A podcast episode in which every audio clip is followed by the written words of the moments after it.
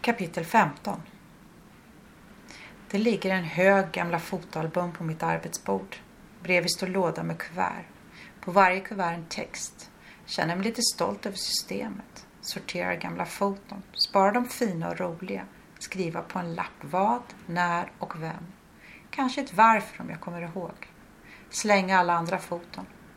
I början kändes det hemskt, nästan förbjudet, slänga foton. Fast varför ska man spara dåliga, tråkiga, misslyckade eller med helt främmande personer på? Ännu värre, varför spara foton som är olyckliga?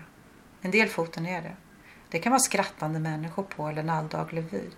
Ännu så växer det gråt i magen av att se dem. Olyckliga foton.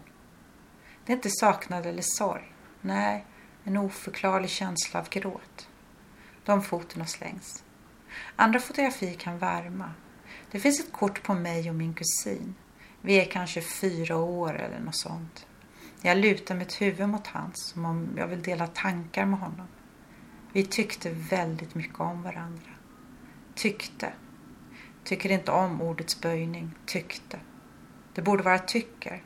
Men döden kom. Döden kom när han själv hade fyra barn. Läser tisdagarna med Morri. Vad står det? Döden behöver inte förstöra vår relation. Vad fint. Är det så?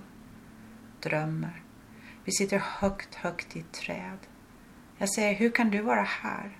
Han ser på mig och säger, jag är alltid här. Vaknar av att jag skrattar. Fotot över delade tankar måste målas. Det behövs målas. Med penseln får känna hans ansikte, koppla ihop våra huvuden tillsammans måla ljusa färger många gånger, bredvid, på, under, över. Behöver vara nära, behöver säga vi säger inte hej då, behöver ett avslut, behöver, behöver, behövde.